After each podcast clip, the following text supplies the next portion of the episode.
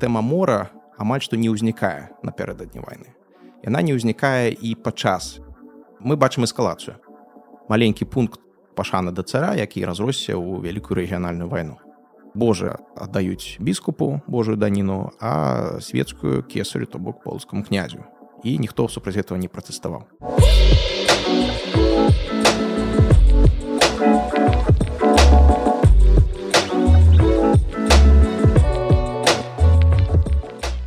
Добрый дзень шаноўна гаспадарства з вами падкаст так склалася гістарычна я дзегельганна Я рада вас вітаць сёння тому что сёння у мяне ў гасцях навуковец гісторык медыявіст даследчык адносінаў старажытнай русі і нямецкага свету кандыдат гістарычных навук Філіп падбярозкі Вітаю Філіп Вітаю вас вітаю паважаныя слухачы Сёння ў нас зноў такі класная нагода тому что у у Філіпа выйшла кніга паводле яго дысертацыі так?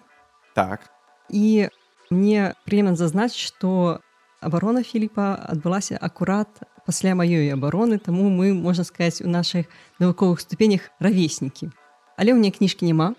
Пакуль што. пакуль што да. Але вось у Філіпа ёсць. Як называется кніга? Кніга называется досыць спецыфічна але я спадзяюся што падчас падкасту мне у удастся паведаміць сваім слухачам што гэта вельмі простая і усім зразумелая тэма. Назва юрьевская дань в русско-лівонскіх отношениях кніжка названа по-руску тому что выйшла ў москве ну і власна кажучы яна прысвечана міжнародным адносінам так? Менавіта. Вось пачнем расшыфроўваць вось гэту назву. Юрьевская дань і русско-лівонскія адносіны. Па-першае гэта які час? Гэта сярэдзіна 16 стагоддзя і упершыню гэтая даніна названа юрьевскай менавіта у 1554 годзе. Юрьев гэта руская назва горада тарту у лівоне ці па-нямецку дербт. То бок гэты горад ён насіў тры назвы тарту дорпат ці дербт і юрьев. Юрьев гэта самая старажытная назва гэтага горада Таму што паводле повесці мінулых гадоў у 1030 годзе Ярослав мудры заснаваў горад у сваё імя як піша летапіс то бок юр'ев хрысціянскае імя ярослава мудрого якраз было георгій ці юрій і ў 1032 годзе гэтых князь ён заснаваў іншы юр'яў на тэрыторыі сучаснай украіны то бок ён заснаваў аж два юр'ева. І паводле рускіх крыніц жыхары ці насельніцтва этого юр'ева яны абяцалі сплочваць даніну рускім князям. І иван четверты ці иван жахлівы які вядомы менавіта под таким прозвішчам у беларускім дыскурсе. Ён пачаў вайну з лівоніі за того что по яго меркаванні жыхары перасталі плаціць ему эту дані. То бок гэта фактычна была прычына гэтай вайны альбо повод гэтай а вот даследчыкі спрачаюцца ці это быў просто павод ці это была прычына ці выдумаў иван гэтую даніну ці не і які гістарычны вытокі ў гэтай даніне. А я хочу яшчэ высветліць назву лівонскі і лівоне мы ведаем так назву лівонская вайна і лівоні у нас асацыюецца з землямі усходняй прыбалтыкі ці сучасная літва Латвія і частковая Эстонія у грамадскай прасторы таксама прынята называць гэтай землі землямі так званого лівонскага ордэна ну, насамрэч гэта не зусім карэктная назва таму што мы маем справу з некалькімі нямецкімі дзяржавамі гэта і арцыбіскупства рыжская гэта і біскупства дербцкая і гэта і лівонскі філіал тэўтонскага ордена які мы і называем па сутнасці лівонскі орден. І шэраг яшчэ іншых біскупстваў якія не хачу просто тут пералічваць. Але это просто некалькі нямецкіх дзяржаў які былі фактычна самастойны адзін ад аднаго. І часта яшчэ выкарыстоўваюць даследчыкі такую назву як лівонская канфедэрацыя напрыклад швейцарскай канфедэрацыі то бок у выпадку ваеннай пагрозы гэтай дзяржавы аб'яноўваліся паміж сабой і у абаранялі сваю тэрыторыю але у больш спакойныя часы так бы мовіць яны маглі ваяваць і паміж сабою. А былі часы калі тыя ці іншыя нямецкай дзяржавы ва ўсходняй прыбалтыцы яны малі нейкі хаурус з тым жа псковым новгородам ці полацкам і ваявалі з іншымі нямецкімі дзяржавамі. І канфесіяй канфесіянальная рознасць у этом ніякую роль не адыгрывала. Таму лівонія гэта такая абагульненая назва некалькіх нямецкіх дзяржаў ва ўсходніх прыбалтыкі якія з'явіліся ў пачатку 13 стагоддзя. Так такім чынам мы вызначылі месца мы вызначылі час і мы вызначылі што юрыўская дань яна непасрэдна мае дачынень да пачатку лівонскай вайны якая ў прыватнасці да нашай гісторыі мае непасрэдна дачынень і шмат розных наступстваў ад лівонскай вайны для нашай гісторыі было. Але вось ты канцэнтруешся менавіта на юрыўскай даніне у чым праблема вось гэтай даніны і калі з'яўляецца першы упамінанне у чым сюжэт з гэтай дані звязаны я яшчэ хочу высветліць один пункт.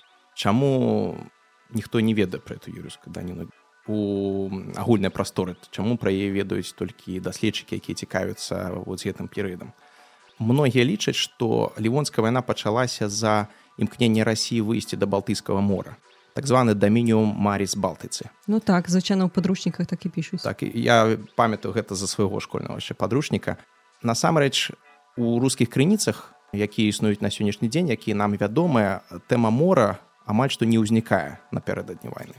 Яна не ўзнікае і падчас вядзення вайны то бок там амаль што не ўзнікае. Пра гэта напісаў спецыяльны артыкул расійскі даследчык александр філюшкін.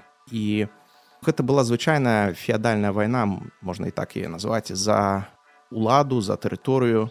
І так як і прычына многіх іншых феадальных войнаў у Еўропе пачынаючы там і з 11 10 стагоддзя і пазней прычынай была абраза асобы вялікого князя ці асобы дынасты дынастыі ў данном выпадку. І па крыніцах мы можемм прасачыць што вялікі князь маскоўскі і как бы расійскі цар иван четверт ён аб'явіў вайну лівоніі менавіта пасля таго як паслы не прынеслі даніны то есть у 1554 годзе яны подпісалі дамову што на яе выплаціць цар чакаў тры гады яны яе не прынеслі цар яшчэ трошки пачакаў і толькі пасля это аб'явіў вайну то бок цар як я мяркую не разглядаў гэтую даніну просто як повод для войны. Для россии это была менавіта прычына а якім чынам ну скажем так лівонскія паслы даведаліся пра гэту даніну? У цябе ў кнігі вельмі цікава гэты сюжэт апісаны. З старажытных часоў існавала практыка заключэння мірных дамоў паміж лівонскімі дзяржавамі і рускімі княствамі задоўга да таго як з'явілася расійскага царства Ужо з 15 стагоддзя мы маем такую сістэму. Заключаюцца мірныя дамовы паміж псковам і ноўгородам з аднаго боку і лівонскім філіялам нямецкага ордзена ці лівонскім ордзенам, дербскім біскупам, арцыбіскупам рыжскім з другого боку. Але паміж псковам і дербтам ці рускім юревам ці сучасным тарту да, заключалася асобная дамова. З кожным разам гэтая дамова абнаўлялася. Ну, на е умовы маглі ўплываць вынікі той ці іншай лакальнай вайны, але калі гэтага не адбывалася то умовы былой дамовы просто пераносіліся ў наступную ставіліся подпісы і гэта пераміра ці мір яны працягваліся. Дык вось як звычайна як это было стагоддзе перад гэтым лівонскі паслы прыехалі на гэты раз ужо ў Маскву. 1554 год гэта 28 красавіка было это была весна на гэты раз ужо расійскі цар ён лічыў сябе вотчыннікам сковай новгород такім чынам ён павінен быў падпісаць гэтай дамовы. І неспадзявана цар успомніў пра некую даніну як пішуць самі паслы ў сваёй рэляцыі. Паслы на лівоне не мелі ніякіх інструкцый на гэты конт. Яны не ведалі што адказваць царю. І як піша калі не памыляюся балтазар рюсов лівонскі храніст быццам бы зямля выйшла з-пад ног у паслоў. Яны сказалі мы не ведаем што это даніна па-другое ніколі яна не плацілася то есть на іх памяці этого не было. А перамову гэта час вёў дзяк пасольскага приказа иван бескаваты Іван мескаваты рыхтаваўся да такого павароту з'яў і э, выцягнуў некі ліст з нейкай кнігі з якой мы не ведаем. Гэта мог быць летапіс гэта магло быць збор нейкіх дамоў дзе прачытаў што у 1030 годзе ярослав мудры захапіў юрыяў і з таго часу вот это вот дань плоціцца потым ён яшчэ успомніў дамову 1474 года про якую паслы быццам бы не ведалі ці яны сказалі просто што не ведалі Але сапраўды да нас дайшла дамова псковая дзерб до 1474 года, дзе напісана, што дзербскі біскуп павінен плаціць дань і старыя залогі па старыне, то бок гэта паводле нейкага старого звычаю. На гэта паслы таксама не ведалі, што адказаць і казалі, што напэўна гэты пункт існаваў у дамоўленасцях таму, што мы хацелі аказаць тым самым пашану вялікаму князю маскоўскаму. Тому гэта быў пункт некай пашаны ці па-рускі чесці или па-нямецкі херлихкайт то есть мы хацелі падкрэсліць твою ўладу і як бы хацелі паказаць што яны расцэньвалі гэтыя пункты сімвалічна. То бок паслы у данным выпадку яны былі звычайнымі сярэднявечнымі людзьмі. На што дзяк Іван віскаваты сказаў калі вы не хочаце гэта выконваць навошта ж вы гэта подписывалі То бок дзяк быў у гэтым выпадку цалкам мадэрна расійскі дыпламат. Ён яшчэ прывёў одну цікавую цифру на якую мала звярталі ўвагі ў гісторыкі а менавіта таму што 210 гадоў таму то бок 210 гадоў адлічваючы ад 1554 года упершыню дань была абяцана. І вось гэта менавіта цифра яна как бы змусіла мяне шукаць вытокі гэтай дані у 14 стагоддзе і что 14 стагоддзе у нас есть одна таксама не вельмі вядомая крыніца малая лівонская рыфмаваная хроніка якую быццам бы напісаў барталамею хённыкі ну яму прыпісваюць гэтую хроніку калі мы аднімем ад 1554 210 у нас атрымаецца 1344 года. На пачатку я падумаў можа быць это 210 уяўляецца сабой некую сімвалічную цифру ну эта цифра она не круглая па-перша то есть это не 200 а по-другое эта цифра ніяк не звязаная з цифрамі 12 3 шестеркой семёркой так далее. Сакральнымі сакральнымі лічбамі так. Тады гэта цифра напэўна некая канкрэтная по 1344 годзе у ноўградскім летапісе успамінаецца паўстанне эстонскіх сялян супраць нямецкага дацкага рыцарства ці арыстакраты можна так паведаміць насамрэч это былі з'явы з 1343 по 1345 год прыблізна гэта было паўстанне і у рускай пісьмовай традыцыі гэта паўстанне вядомае пад адным годам по 1344 годзе то есть это конкретно на 210 гадоў але насамрэч першая дата это 1343 год.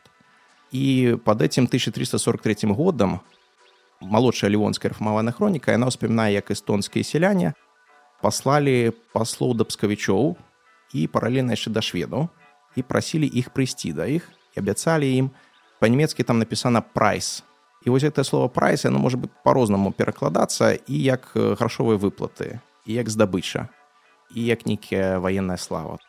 Ці тое ці другое ці трэць і пскоўская раць сапраўды прыйшла і паведамляе летапіс пскоўскай летапісе што пскавічы былі там дзе не бывалі яшчэ іх ацы і деды. То бок яны імкнуліся такім чынам узнавіць вот это то что ў летпісах называется отеческое дастояние і на мой погляд вось гэтыя дадзеныя яны могуць прыблізна праліць святло на тое што меў на увазе дзяк иван віскаваты пад цифры 210 і под юрыйскай даніны бо інакш растлумачыць гэтую цифру пакуль што я не ведаю як як по-іншаму то есть это адзіная на мой погляд магчымая тлумачэнне і адзіна магчымая гіпотэза якая высвятляе адкуль гэта юрыйская дань сапраўды магла ўзнікнуць? Тое што яна ўзнікла не проста ў главе ў царскіх дзякаў і ці ў івана четверт пацвярджае наяўнасць гэтага пункта у афіцыйных дамовах сковай дзепта.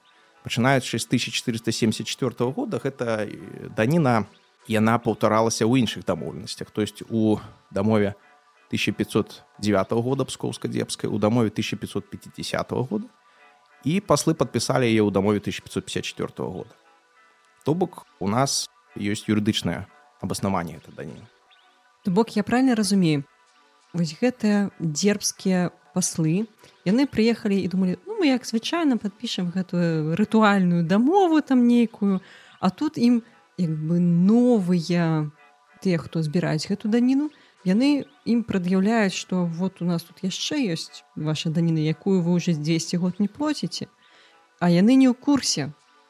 Так і яны mm -hmm. такім чынам былі так іх пазіцыя была прадаўлена і яны вымушаны былі падпісаць усё ж такі гэтую дамову што яны будуць яе плаціць. Так? Так. Так добра. Што адбываецца далей? Яны подписываюць пункт об гэтай даніне і там ёсць яшчэ одна праблемка.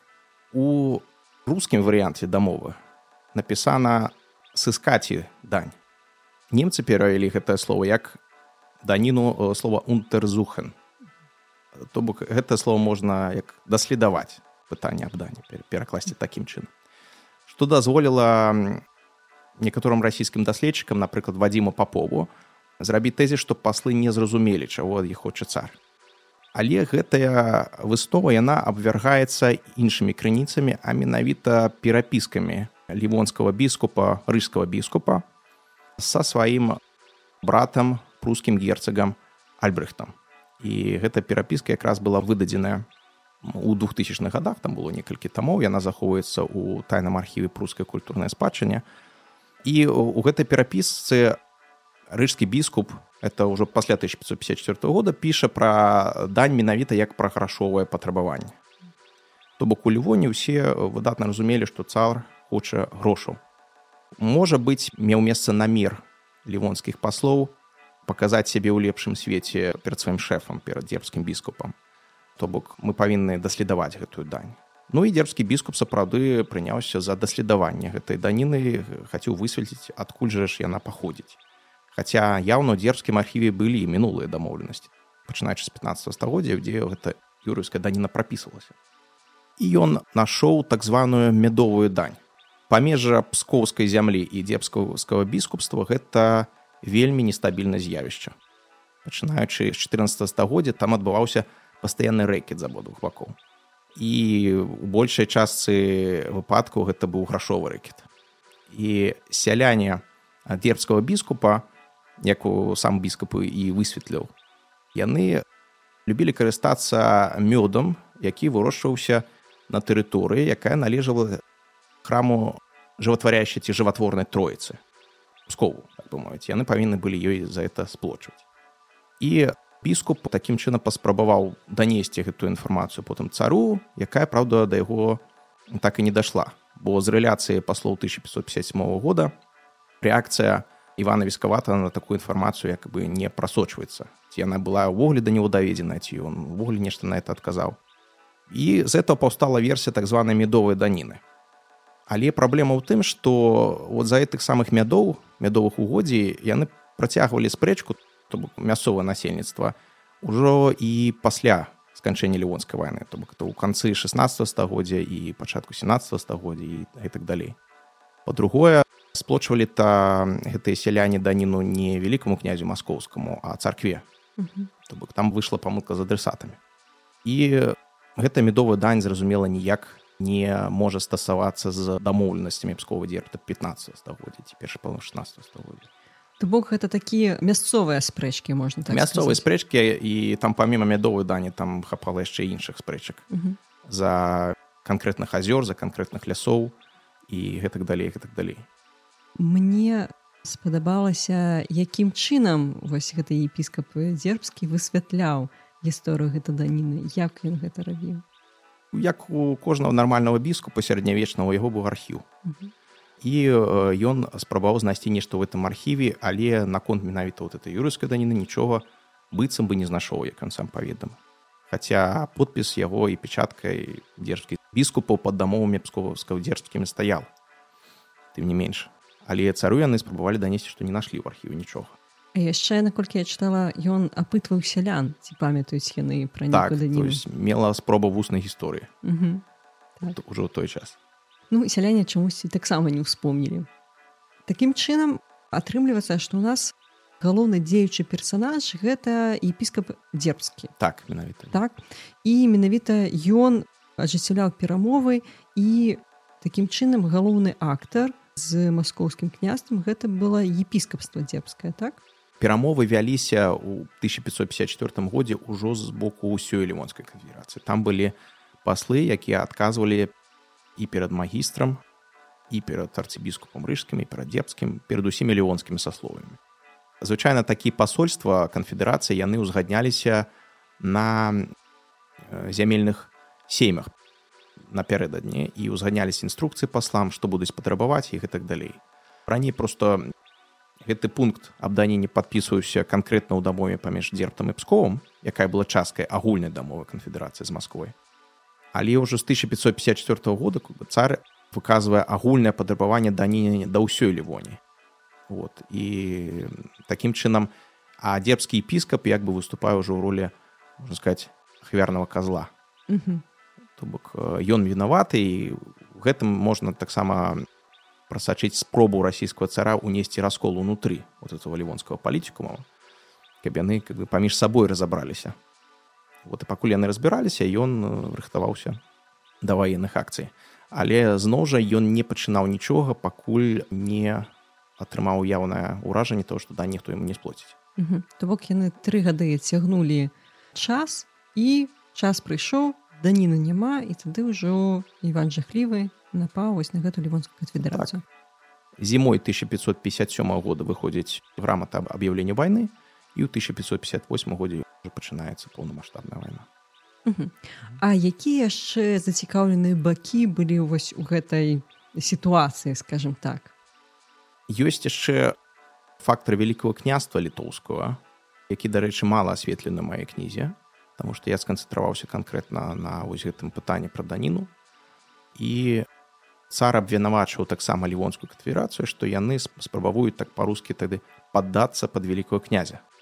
Ці пад польшу ці пад імператора священной рымскай імперіі то есть под кого-нибудь абы не сплочыць яму того што яму належыць і зразумела тут былі інтарэсы розных дзяржаў і священная рымская імперія і шведскі кароль вельмі цікавіўся як гэта перамовы ідуць але нешта казаць пра іх канкрэтныя інтарэсы ці іхне канкрэтная дзеянні якія яны зрабілі каб зберагчы лівонскую канфедэрацыю тут не прыходзіцца то есть імператор священной рымскай імперыі выплаціў просто 100 тысяч фларынаў лівонцам гэта вельмі малая сума каб дапамагчы ему барацьбе з Масквой а нічога большего так і зроблена не было. У канцы канцоў лівонія як мы ведаем ужо таксама са школьного курса гісторыя лівонскі магістр падаецца под великкаго князя літоўскага і ў вайну ўмешваецца вялікае княства літоўскае і вот гэтыя падзеі які мы ведаем і захоп полацкай бітва падулы это таксама то што ўжо будзе потым пасля таго як рускія войскі нанясуць паразу лімонскай канфедэрацыі непасрэдна то бок мы бачым эскалацыю. Маленькі пункт пашана да цара які разросся ў вялікую рэгіянальную вайну. Бок у паветры было зразумела што нешта будзе так.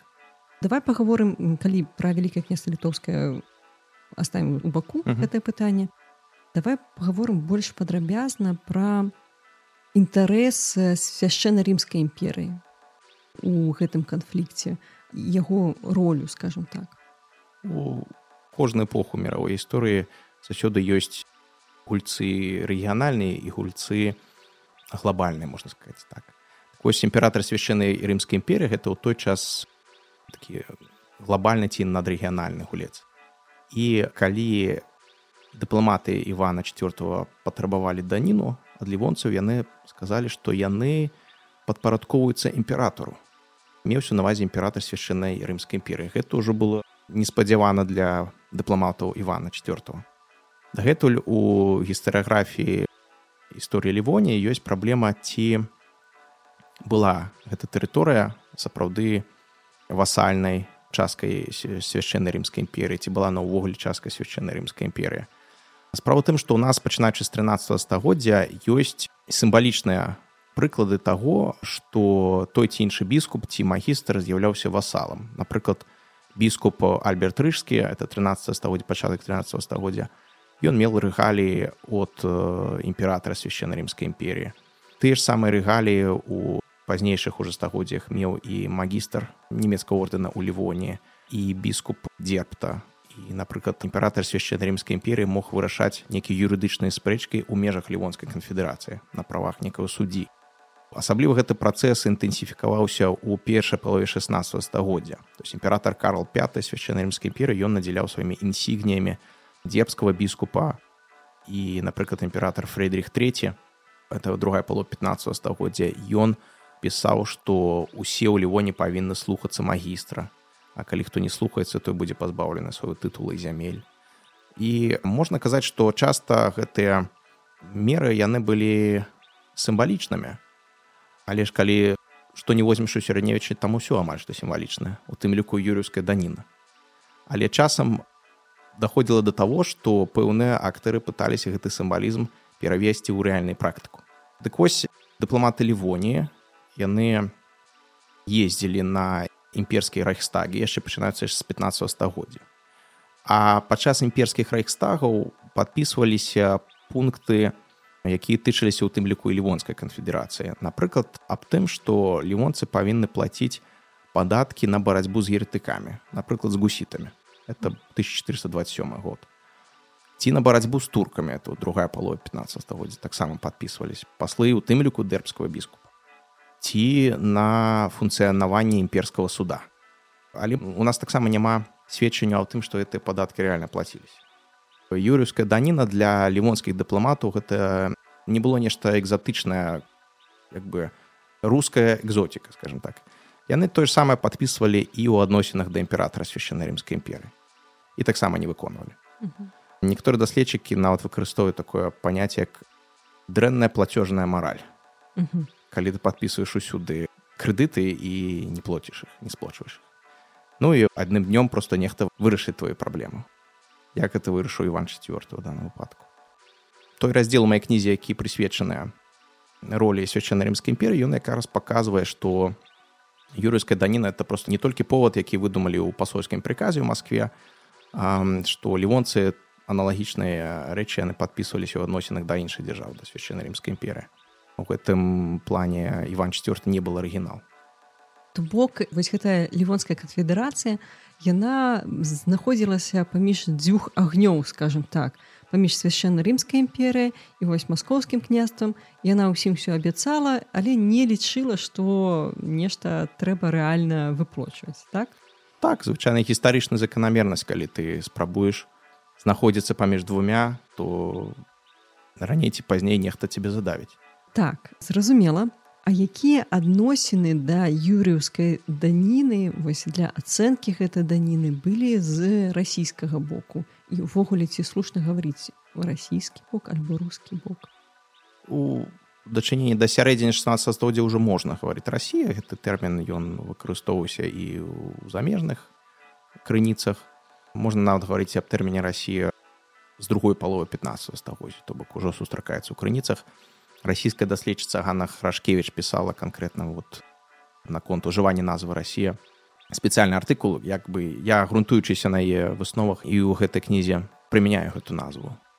Кажучы пра расійскі бок і пра расійскі наратывы які прысвечаны юрыйскай даня частка з іх была для ўнутранай аўдыторыі частка з іх для знешняй аўдыторыі то есть для знешняй палітыкі. Конечно для ўнутранай аўдыторыі было нашмат больш карысным распавесці пра старажытныя часы пра повесць мінулых часоў пра ярослава мудрого пра 1030 год. Про тое што гэта юр'яў і гэта львоня это спрадвечна рускія землі. Туды калісьці прыйшлі немцы занялі гэтыя землі як піша сцепіная кніга нейкім непаслушаннем. І потом зноў цытуючы сцепенную кнігу гэтыя біскупы яны збесеняшыся і пачаша самачыне тварыць. Беспредел беспредел так. І потым рускі князі калі ў іх было на іншых межах усё спакойна яны спрабавалі наказаць гэтых беспредельшчыкаў. Напрыклад александр неўскі там дзяды і прадзеды ивана четверт ён такім чынам дарэчы падкрэсліваў сваю пераемнасць з тымі хто быў перад ім. То есть але зноў жа акцэнт быў зроблены на больш старажытных часах.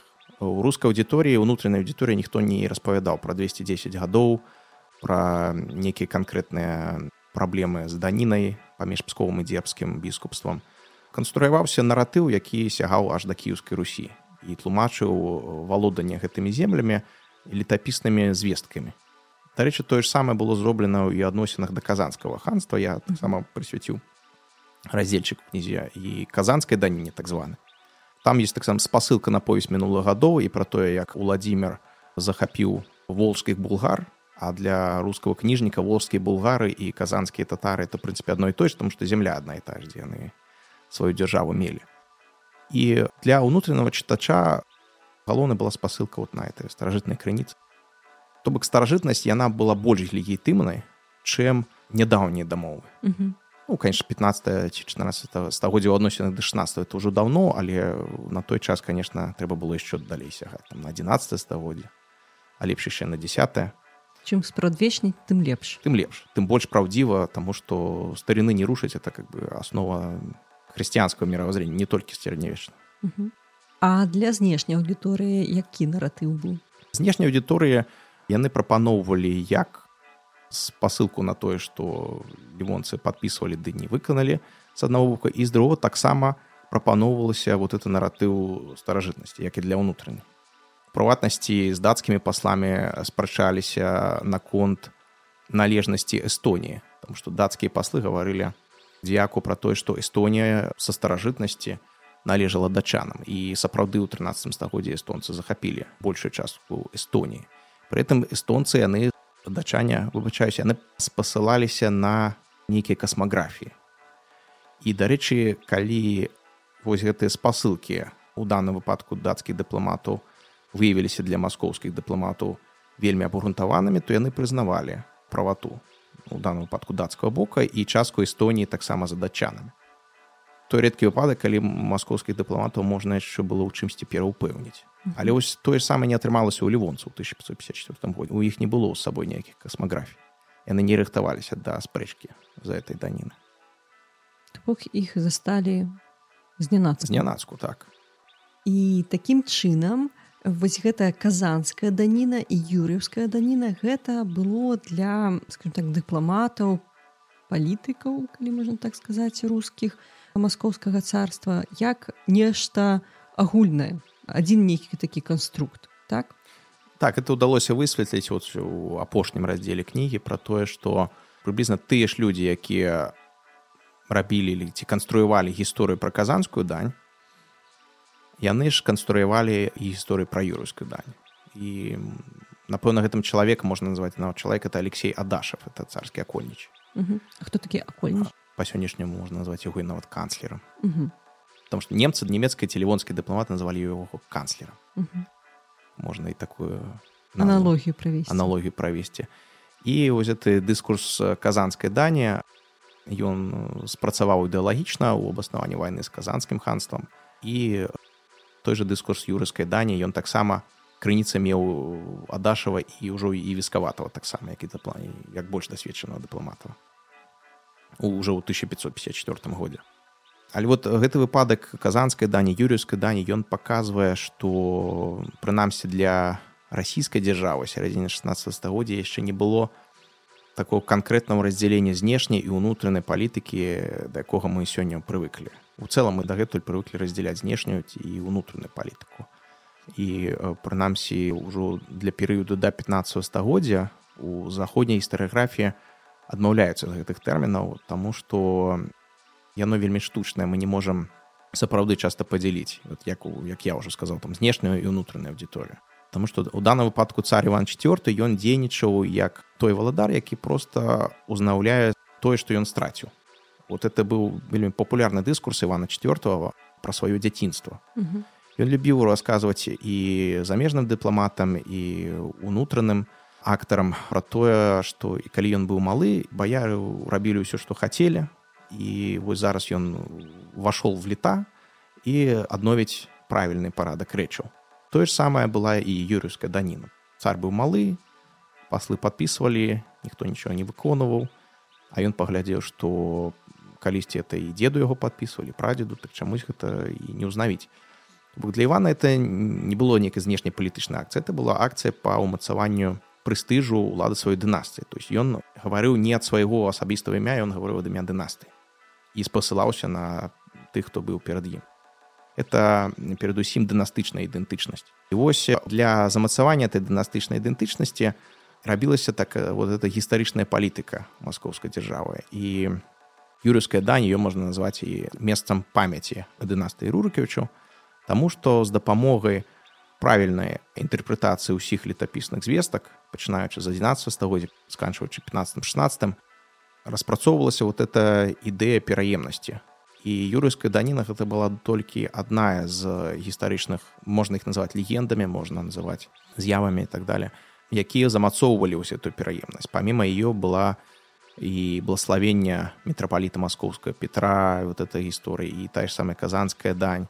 Ну іх там было много гісторыі про это напісаў спецыяльны артыкул расійскі даследчык кастацін Іерусалімскі он так і называется історыя на пасольскай службе так як у пасольскім прыказы займаліся гісторыі в рассію той час.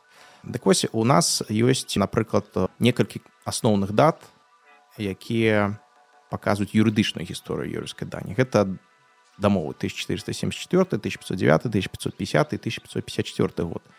Ёсць яшчэ дамоў 1463 года дзе біскуп абяцае сплачваць некую пошліну даследчыка лічаць што гэта ёсць первую загадка юрыйскай даніна але з гэтым словом пошліна ёсць праблема таму што старажытна-рускае слово пошліна яно магло значыць не толькі даніну але і сукупнасць пэўных правоў. Напрыклад там князь пашоў искать і пошліну сваю там где-то там, в новгороде напрыклад так у нас ёсць сукупнасць летапісных дат якія выкарыстоўваліся ўжо не для юрыдычнай гісторыі юрыйскай даніны а для выпрацоўкі вот этого культурного кантинуитета паміж ярославам мудрым і иваном жахлівым і пачынаецца это з даты 1030 -го года. Гэта заснаванне юрьева ярослава мудрым ці георгіем хрысціянскім князем. Потым там узгадваецца і ў повесці мінулых гадоў потым і новгородскай летапісе даты якія тычацца таксама юрьева это напрыклад 1262 год. Это сумесны паход рускіх князёў на дзепт ці юрію у якім удзельнічаў таксама полацкі князь. Перад гэтым я забыў згадаць і александра неўскага які таксама скажем так шел восстанавливать отеческое достояние.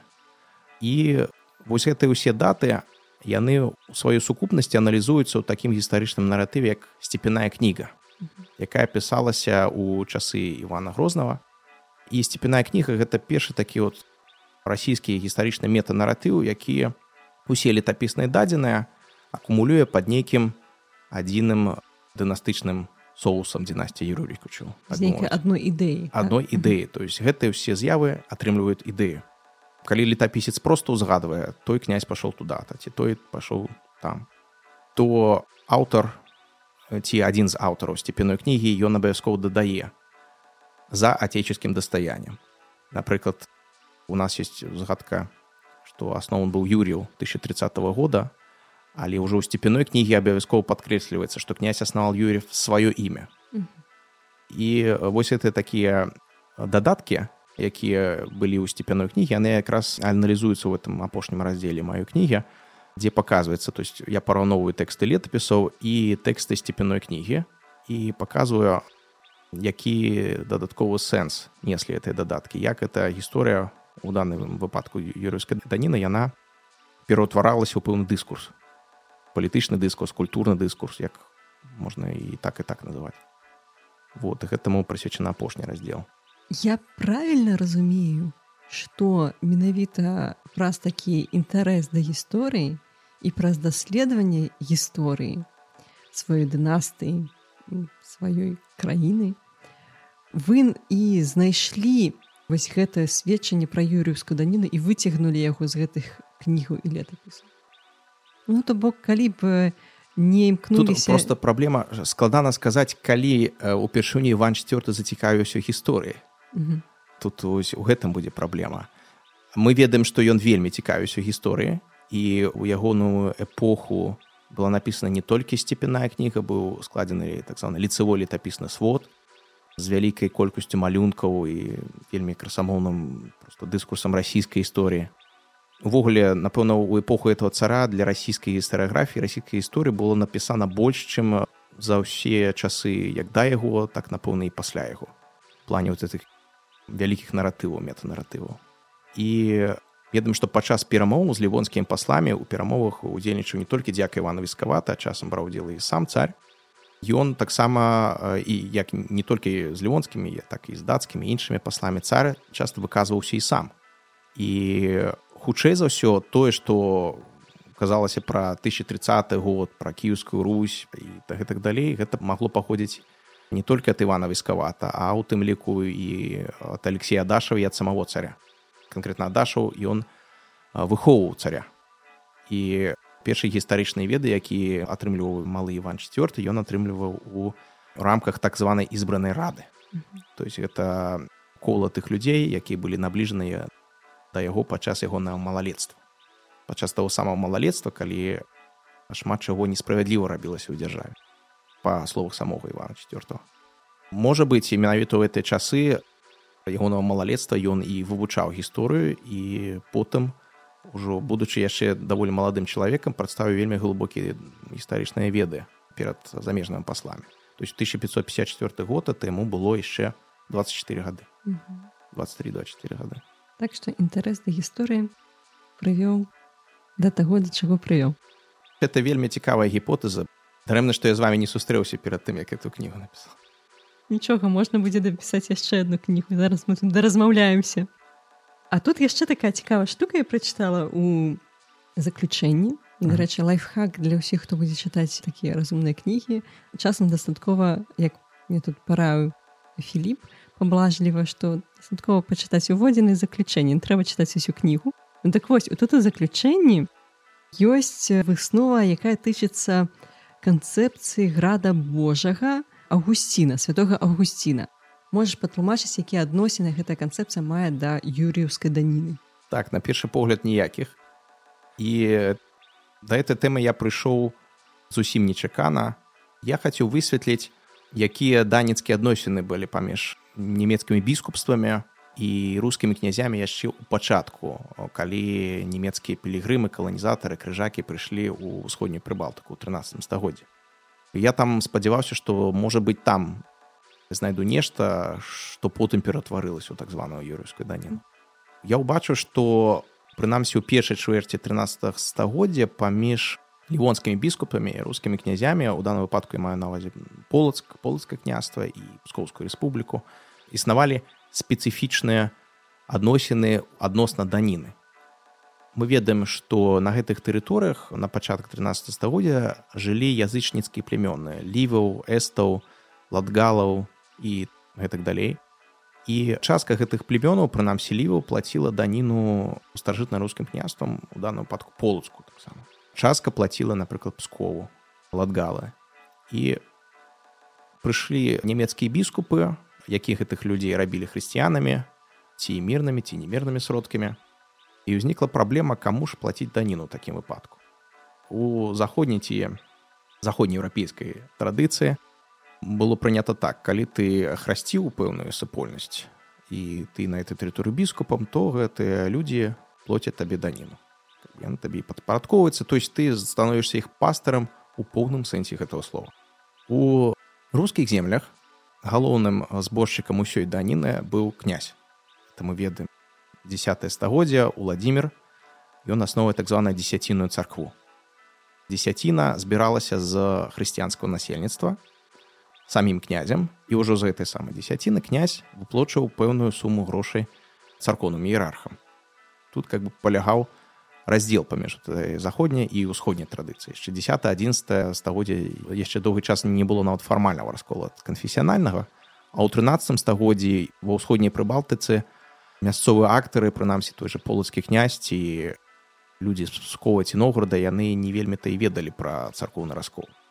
І мы ведаем што ў 13 стагоддзі рускія князі яны працягваюць заключаць дынастычныя бракі з каталікамі і полацкі князь пачаў война з рыгай за сваіх даннікаў і ў 1212 годзе напрыклад заключена была дамова паміж рыгай і полацкам што біскуп будзе збіраць даніну з ліваў і аддаваць ее полацку далей храніц генрых латвійскі які пісаў хроніку лівоні это нямецкая хроніка 13 стагоддзя па якой мы ведаем усю гэту гісторыю ён пісаў што біскуп так адказваў князю. Кесарева кесарю а бога божы то бог божа аддаюць біскупу божую даніну а светскую кесарю то бок полскаму князю. І ніхто супраць этого не пратэставаў і такі парадак адносіны ён вельмі многае можа патлумачыць. Напрыклад пскоўскі князь владимир мсціславич ён выконваў судовыя функцыі знаходзячыся ў лівоне ён там быў выгнання і за гэтыя судовыя функцыі ён збіраў пэўную частку грошай а іншую частку грошай збіраў той же рыжскі біскуп напрыклад. І існавала такая сістэма паралельнай ці падвойнай дані. І гэтая сістэма была вельмі папулярная у Еўропе на той час. То есть у канцы 12 стагоддзя распаўсюджваецца так званая палітычная тэорыя блажэнага авгусціна о двух градах. О том што існуе град цемно і град Божы як бы пакуль што яны мусяць неяк суіснаваць і менавіта па гэтым прынцыпу кесарева кесарю а богу Божа і у атачэнні біскупа рыскага альберта было вельмі много аўгусцінцаў з хронікі вынікае што менавіта аўгусцінцы яны прасоўвалі усе правілы унутранага і унутрыпалітычнага жыцця ў прынцыпе ў лівонскай канфедэрацыі на той час то бок наяўнасць гэтых самых аўгусцінцаў за навуку з другого боку безліч цытат з бібліі якія адносяцца якраз да аўгусцінаўскай тэорыі двух градаў які аўгусцін сам прымяняў сваю аргументацыі і просто палітычны парадак вот этой падвойнай дані які быў для русі увогуле беспрэцэдентны яны дазволілі мне выказаць гіпотэзу пра тое што існавала вот такая сістэма дані нешта падобнае існавала ў Еўропе напрыклад у выглядзе лепты святого Петра или дані святого Яна якую англійскі кароль будучы светскай владыкай Англіі тым не менш выплочваў папе рымскаму як духоўному владыкі то гэта было цалкам нармальна это ўвогуле вельмі цікавае з'явішча. Это как бы узаемадзеянне візантійска-рускай культуры палітычнай і лацінскай ці заходнееўрапейскай напрыклад калі заключаліся дамова паміж тым жа полацкам или пскоўскім князем владимиром і біскупам яны называлі біскупа сваім отцом духовным. Тое што было нармальна для візантійскай традыцыі і было экзотікай для храніста генрыха які гэта ўзгадваю ён вельмі падкрэсліў. І вот эта тэорыя грады Божа яна неяк дапамагае растлумачыць чаму выплачвалася вот эта падвойная дань. Але вот эта сістэма яна доўга не праіснавала Ужо пасля двадцатых гадоў 13 стагоддзя пачынаюцца канфлікты тому што падатнае насельніцтва вот этой неафіты яны хочуць вызначыцца каму ж ўсё-кі плаціць яны не хочуць плаціць дваім гаспадам ён хочуць камусьці аднаму плаціць і пачынаюцца канфлікты і з боку немцаў была спроба неяк утрымаць гэты адносіны але эта спроба была неўдалай напрыклад была такая латгальская область талова это прыблізна тэрыторыя Латвіі і людзі з пскова прыходзілі туды па даніну на працягу амаль што ўсяго 13 стагоддзя прытым што талова палітычна належала часткова ордену мечаносцаў потым теўтонскаму ордену і часткова біскупу. Пры этом пскоўскія данчыкі так называемыя яны заходзілі на этой тэрыторыі па даніну. Пака ў канцы канцоў 13 стагоддзя гэтых данчыкаў просто не забілі быў 1284 годзе гэтых пскоўскіх данчыкаў забілі і просто забаранілі таким чынам то есть але памяць пра тое што калісьці это была падатная тэрыторыя пскові была. Вот і это была магчыма адна з прычын вот этих памежных войнаў вот таким чынам вот эта тэрыторыя града Божого Авгусціна яна звязана і з данінай і потым ужо і з юрыўскай данінай так вот скажем рэтраспектыўна Ну так на памежжы часам робяцца дзіўныя справы. Такім чынам вось як кажуць у такой рэлігійнай традыцыі чаму нас вывучыць гэта гісторыя з юрыўскай данінай яшчэ ў бібліі сказана што лепш не абяцаць чым абяцаць і не выконваць З аднаго боку мы можам называць памкненні расійскага цара агрэсіўнымі. Мы можам па-рознаму да яго адносіцца. Это вельмі спрэчная гістарычная фігура.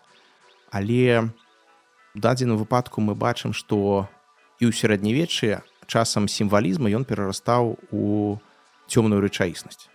І ў дадзеным выпадку юрыўская дані гэта той выпадак, калі некае сімвалічнае дзеянне яно спрычынілася да вялікіх праблем насамрэч і ў нашым пасяўдзённым жыцці мы робім шмат сімвалічнага просто можа быть тыя хто у нас будуць вывучаць праз 10 стагоддзяў яны будуць ты сімвалізмы больш падкрэсліваць яны нам можа так ненаяўныя незаўважныя напрыклад подписываем карыстальніцкае пагадненне не чытаю менавіта так і потым адбываецца нешта за чаго мы просто вельмі терпімі і потым гэта застаецца ў памяці пераўтвараецца ў культурны дыскурс як гэта атрымалася з юрыўскай даніны Таму, шаноўнае спадарства, чытайце тое, што вы падпісваеце, думайце, што вы абяцаеце. Дзякуй вялікі Філіп за цікавую размову. Дзякуй вялікі за кнігу. Усе спасылкі, дзе купіць яе будуць у апісанні гэтага падкасту, там, дзе вы яго слухаеце і таксама ў соцсетках. Калі ласка, пераходзьце, шукайце там будзе ўся інфармацыя. І да новых сустрэч! Дякую Ганна за запрашэнне за магчымасць расказаць пра тое што я напісаў. І спадзяюся чытачам будзе цікава. Нягледзячы на такую спецыфічную назву кніга закранае вельмі шырокі кантэкст і прынамсі культурны кантэкст. Я думаю менавіта поэтому мае сэнс яе прачытаць і не толькі ўводзіны і заключэнне як я а і у сярэдзінкі Дякуй Дзякую усім хто паслухаў гэты выпуск Дзякую усім, хто ставіць зорачкі і піша водгукі ў прыкладаннях, дзе слухае падкаст. Дзякую усім падпісчыкам сацыяльных сетках, якія падпісваюцца, рэпосцяць і расказы сваім сябрам. Гэта ўсё вельмі дапамагае. Я гэта бачу ў статыстыкі распаўсюджання контента. Дзякую вялікі спонсорам падкасту на платформе Patreon. вам мае асобныя промні падзякі і да новых сустрэч. Па-па.